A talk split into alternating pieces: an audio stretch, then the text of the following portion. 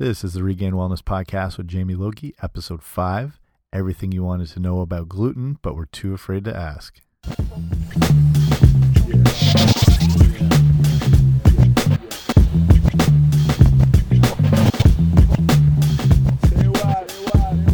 Hey guys, welcome back to the podcast. I'm Jamie Logie. Just want to thank you for joining me today and listening. Um, if you haven't already, I'd appreciate it if you subscribe to the podcast on iTunes leave me a review, rating. Just helps get the word out on the podcast, helps spread it. Um, hopefully, more people can check in and pick up all the information I'm trying to share here. Um, I, I run the website called regainedwellness.com, same as the podcast name. And the point of the website is to help you take back your health with arming you with relevant information on nutrition topics, specific diet information, things you should be including in your diet, things you should be avoiding, benefits of fitness, what exercises are good, why you should be doing it. I try to cover everything that's kind of encapsulated in wellness and everything I can do to help provide relevant and beneficial fitness and nutrition information is the whole idea behind all this the website, the podcast. I just want to share what I know and try and help people the best I can. And that leads into today's topic, which is the big old nasty gluten issue. And you might be sick of hearing about this already. It's everywhere you look, people are always talking about it. You probably know someone who's gluten free. You might be doing it yourself you might not even be sure why you're doing it. You just you know to stay away from gluten. So the whole point of today's show is to get an understanding of what this whole thing is, why it can be a problem, why you should avoid it, and just to get you up to speed with some of the science and the knowledge behind it. The first thing I'd have to recommend right off the bat, which is a source of a lot of the information, is the phenomenal book called Wheat Belly by Dr. William Davis. And I'll put a link to that book in the show notes.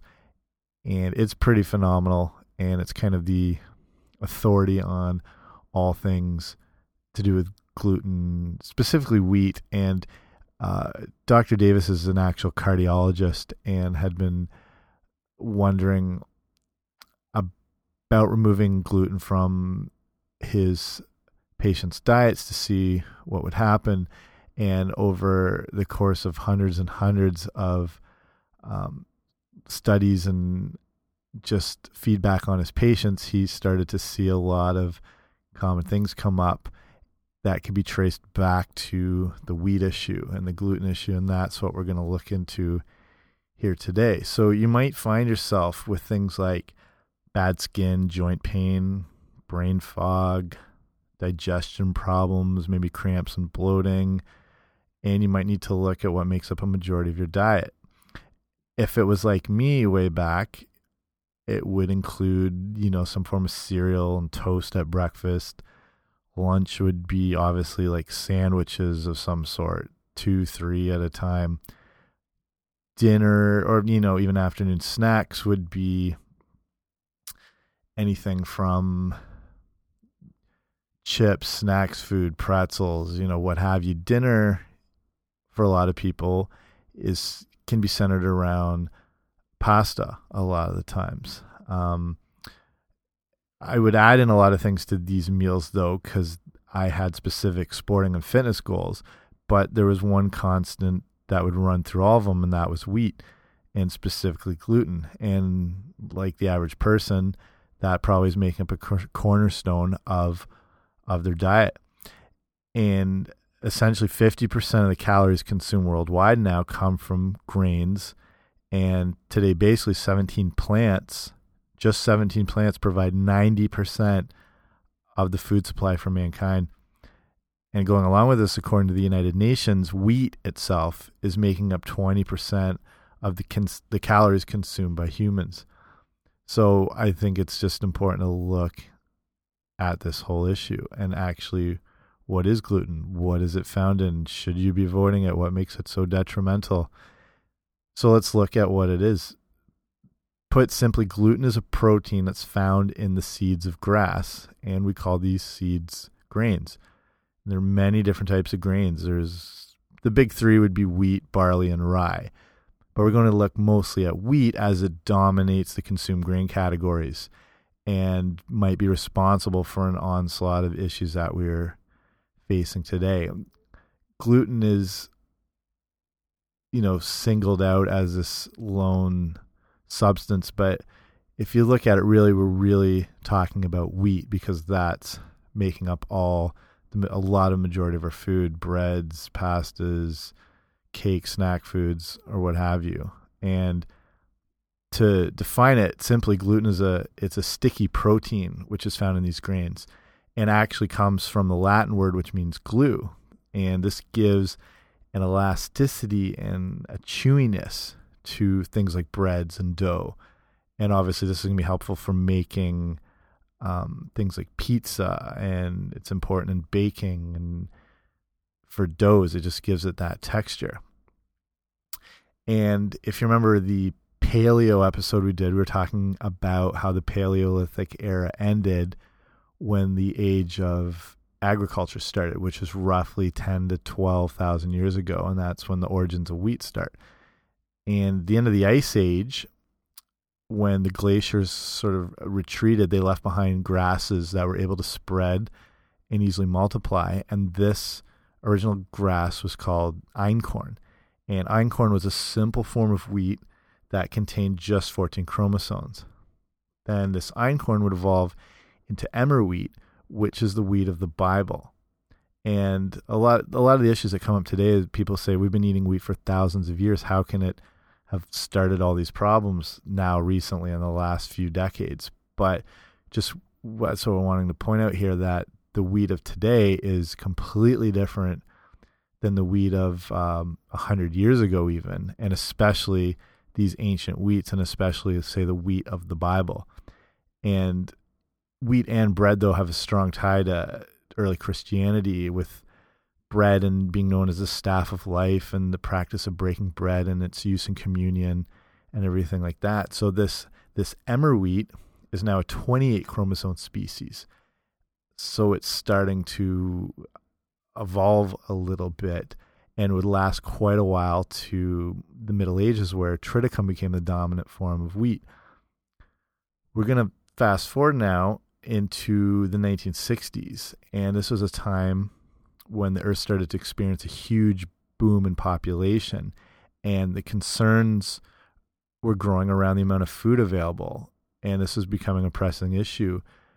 How are we going to feed this ever growing world? and a solution started to emerge from the newer growing field of, gen of genetics. And one of the main men behind this was a guy named Dr. Norman Borlaug, who was an American biologist.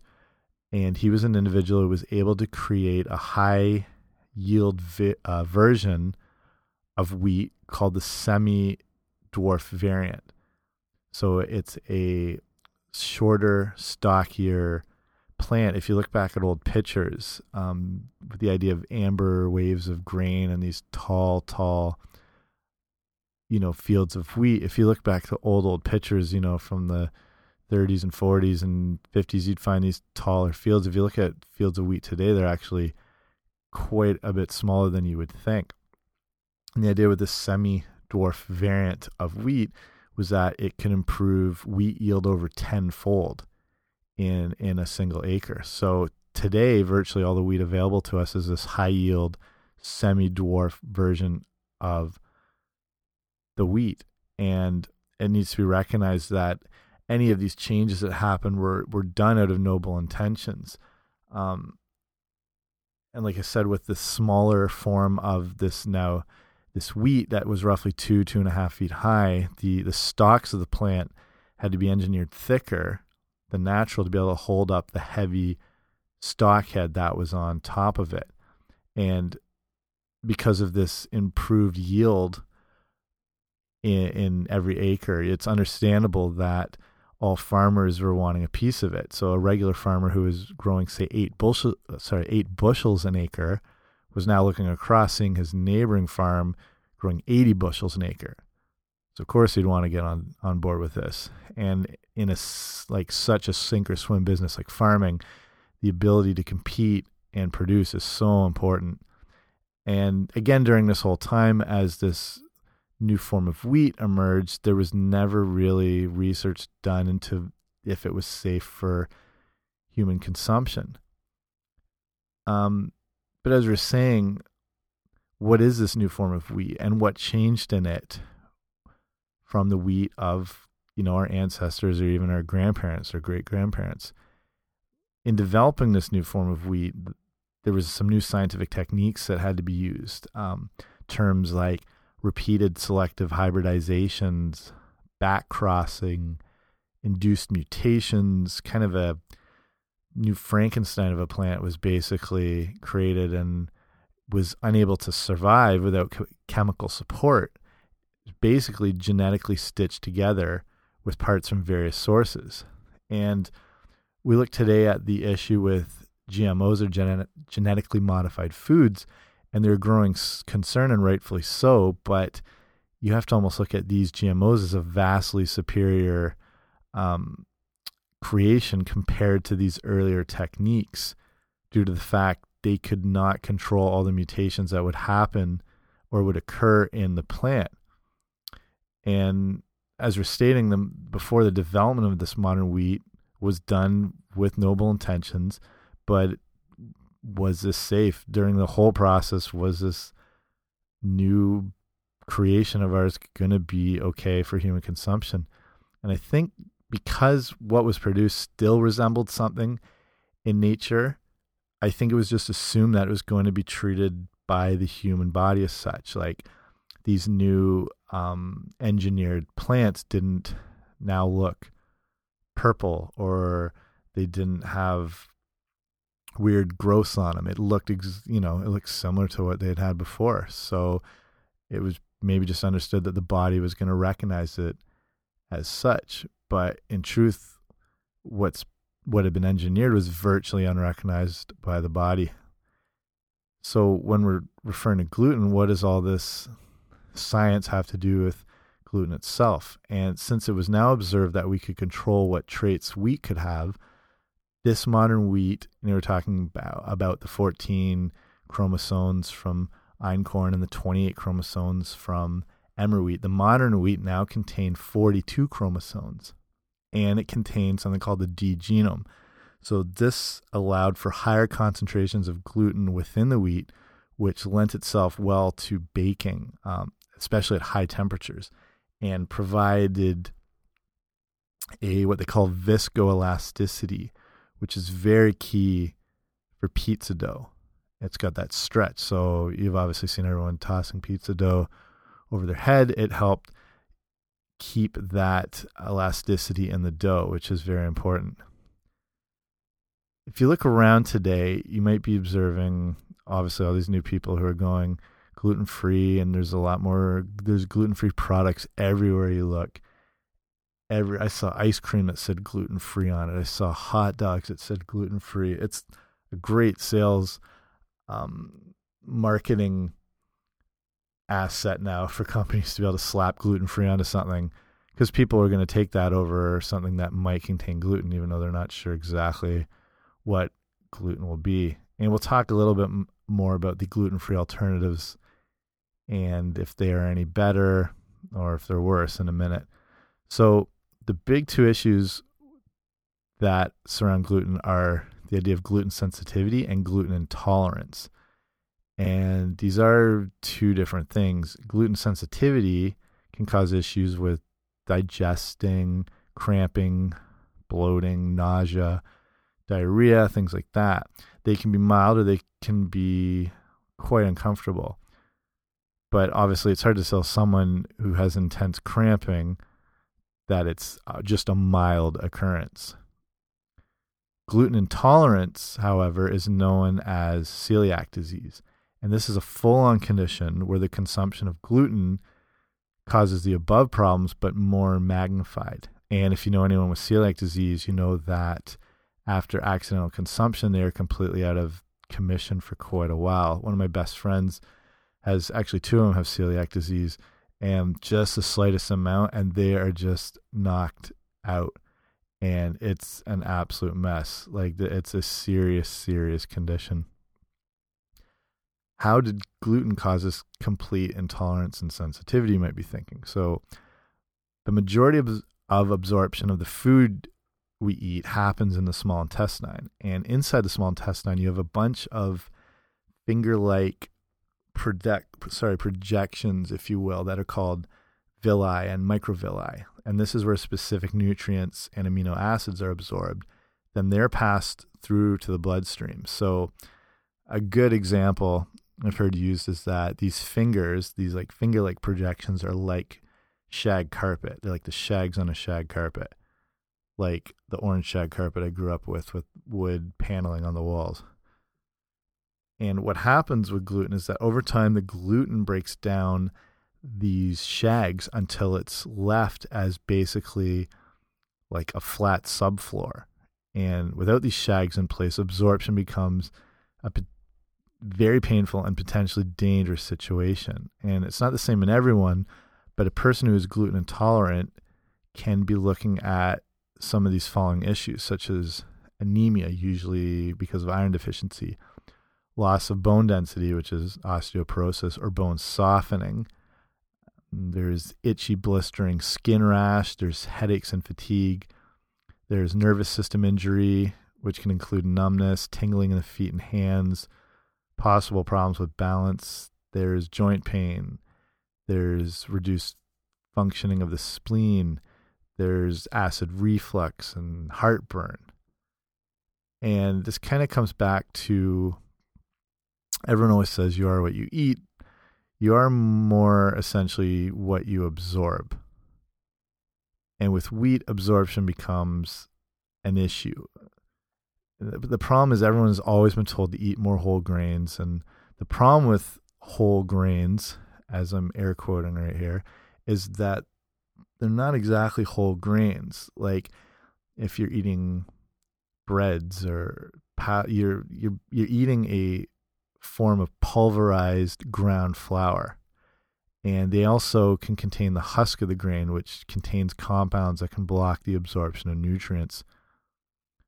The problem is when whole grains take up too large a percentage of the diet, the problems start happening. And one of these key problems is that even though there can be some good amount of minerals in some of these grains or, or whole wheats, the availability of having these minerals absorbed is low because they're bound by phytic acids. And some of these minerals can end up just being passed right through you. It's an interesting study here in 1942 in Dublin, um, in Ireland. The emergence of rickets started to rise sharply when there was a mass changeover from the use of refined white flour to whole wheat flour.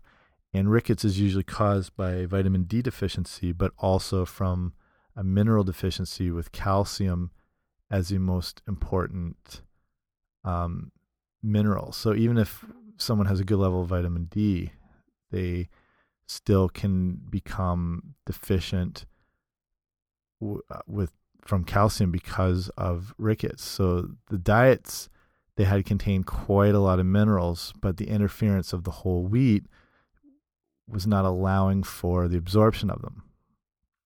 And there's interesting. Uh, I was talking about William Davis as one of the big gurus on the wheat gluten issue. There's also a um, really top notch top notch researcher called Dr. Stephen Guyenet, who's a PhD from the University of Washington.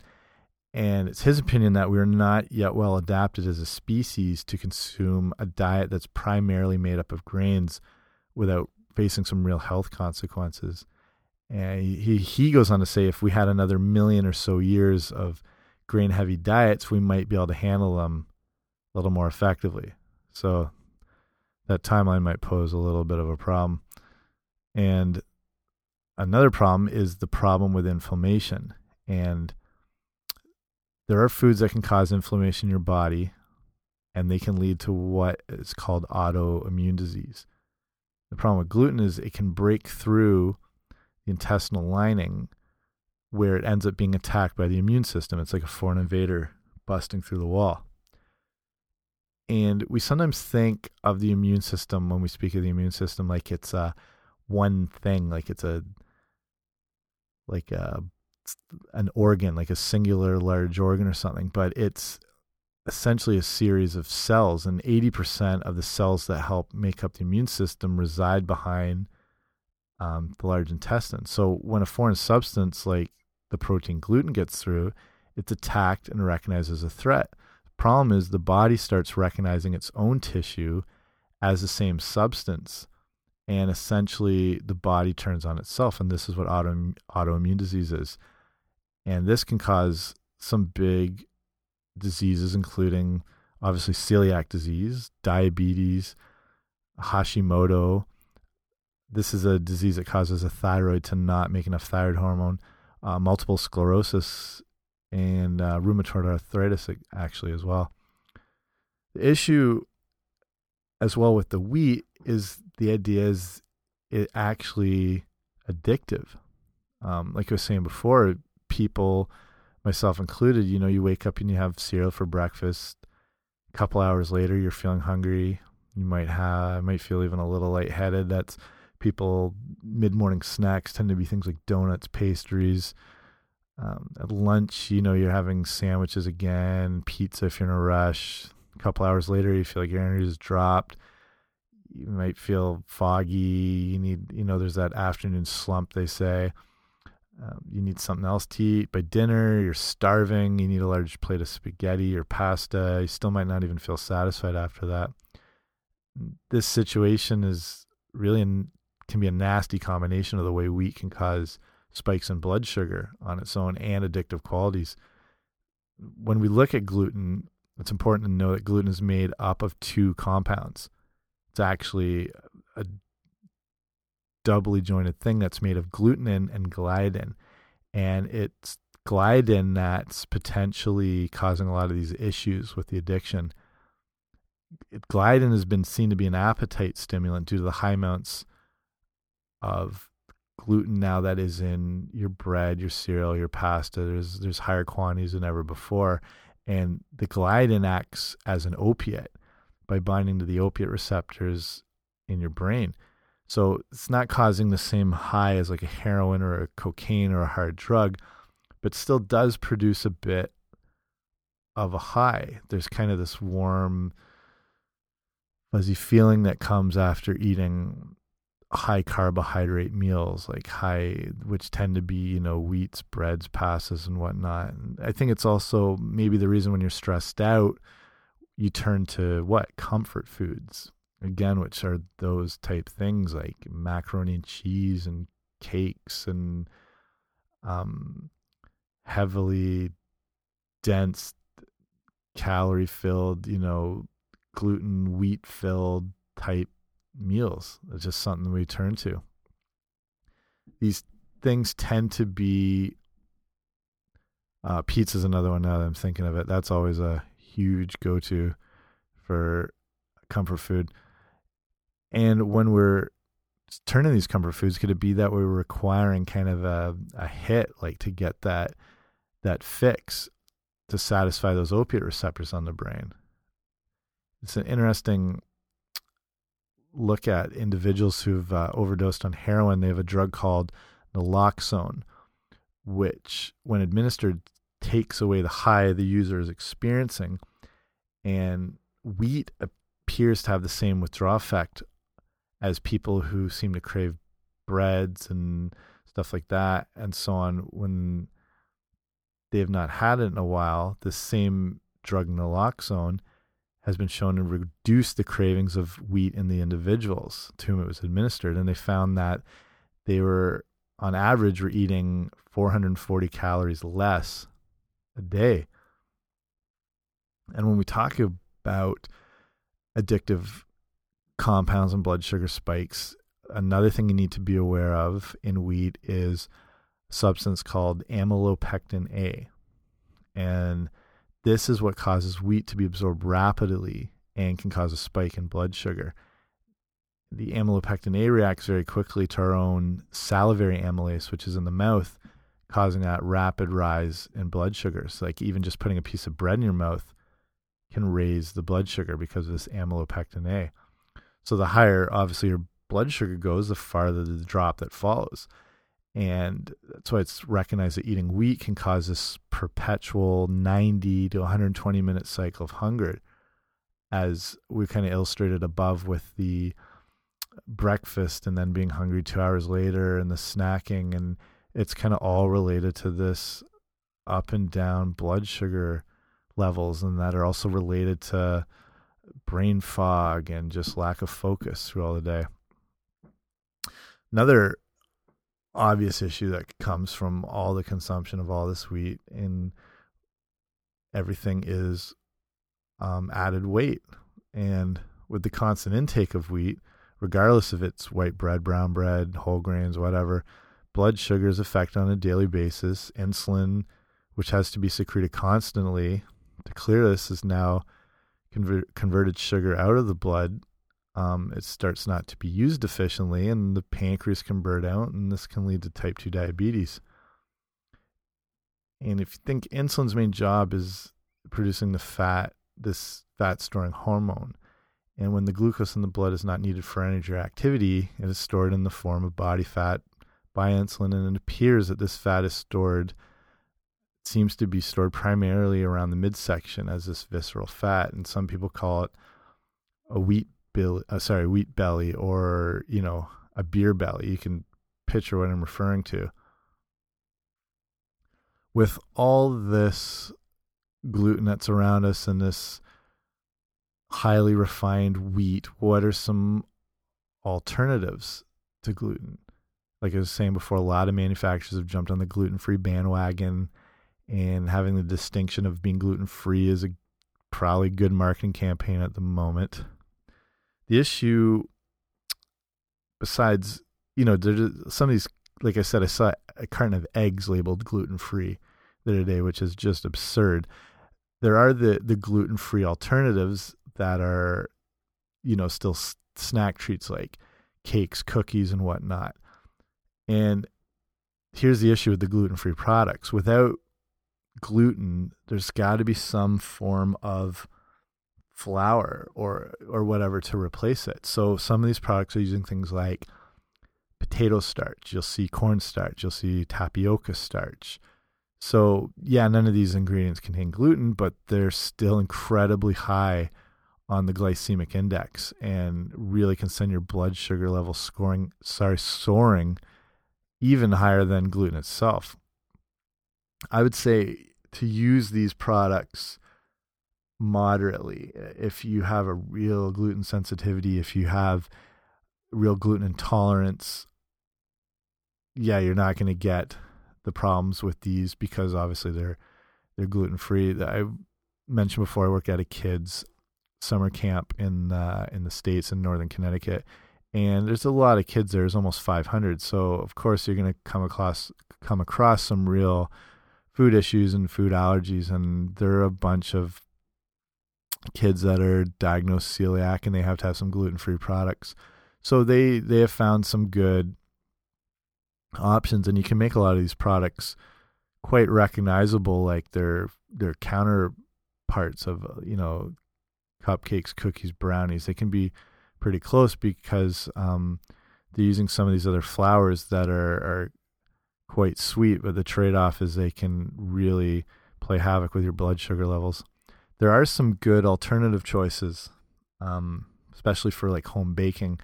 There's things like almond flour you can use. There's coconut flour. There's flaxseed meal.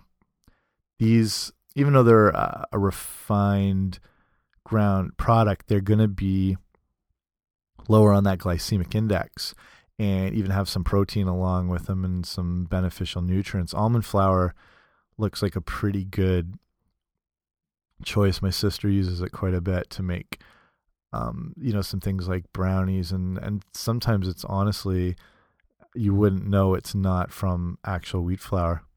Again, it's the same thing. You want to use these things as an occasional treat because you're still, you know, consuming something that's processed in a flour, but looks to be far far better choice than the commercial gluten-free products.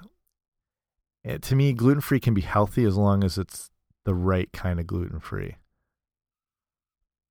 obviously, there's a lot of issues here, and gluten's a really hot topic, and it'll be for a little while.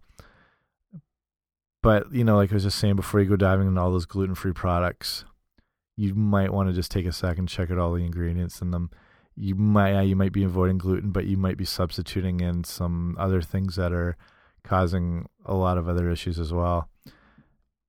This is uh, something I recommend to some people, and seems to have some positive benefits. But but taking five to seven days, say, and trying to cut wheat out of your diet, just to get just to get an idea of what doing that can maybe potentially help your your health and your wellness um, is worth trying. If you eat it constantly, you, you might feel some of those withdrawal symptoms we are talking about before, like the headaches and whatnot. But I really believe eliminating this modern wheat, this especially in the form of breads, white breads, white pastas, cakes, stuff like that, is really you're really not missing anything if you eliminate these products. You're really only going to be doing good things by avoiding these processed, refined, pulverized, ground flours that add in a whole bunch of other stuff as well. That I mean, they'd be bad enough on their own, but like obviously, like say a cake, you're looking at a onslaught of chemical additives along with just the the gluten and everything that's in it. Like you can see those, you know, 12 grain breads or ancient grain breads on the shelves, but you know, it's the same thing. You're not eating whole grains when you're eating a bread. You're eating a pulverized processed flour that's probably come from a genetically modified, unnatural form of wheat. It's wheat and bread, they've always been a part of our human history, but in the last 50, 60 years, we've really seen an explosion in the rates of gluten sensitivity and celiac disease. There's a website called celiac.com, and they deal with celiac disease and gluten intolerance research. And they're showing an increase of 400% in the cases of celiac disease in these last 50 to 60 years. And now one in 133 people have celiac disease. The problem is that it's celiac disease is something that can take 20 to 30 years to become apparent. And I think it's fair to point out I don't think our bodies have changed that much over the years, but our foods definitely have. And we're exposed to a lot of brand new things that resemble foods and really aren't. And we've been kind of uh, bombarded with all these new creations and these new um, genetically modified and altered products. And it's, I think, becoming apparent that these things are causing some real, some real issues. So, I'd uh, I'm not sure where you stand still on the whole gluten issue. Hopefully, this is starting to give you some information and you can start looking into it further. And like I said, you're there's no such thing as an essential bread. There's not an essential pasta. It's not something you need in your diet. Like to cut these things out, you're not going to be missing out on anything. Um, one of the best tips I can say is replace grains with greens. Now you're getting something more beneficial to your body. You really don't need to be eating bread specifically. So if it's something, if you find yourself with any of those, you know, things we are talking about before and the, you know, digestion problems, cramping, joint problems, brain fog, give it a shot. Cut the, cut the gluten and the wheat out for five to seven days, maybe even longer. See how you do. You might find yourself feeling better. You have really nothing to lose from it. So, just want to thank you for listening today. I appreciate everybody who takes the time to listen to everything I'm having to say. And like I said, if you could go ahead and subscribe on iTunes, leave me a rating, leave me a review, that would really help. You can check in at regainedwellness.com. You can see everything that's going on there. new blog posts, everything like that. If you want to connect with me, I like to hear from anyone whenever I can and help you out however I can as well. You can get a hold of me by email. That's at, uh, sorry, info at regainedwellness.com. You can check me on Facebook. That's facebook.com slash regainwellness. And on Twitter, which the handle is at regain wellness. So hope to hear from you sometime soon, and we'll see you on the next episode. See ya.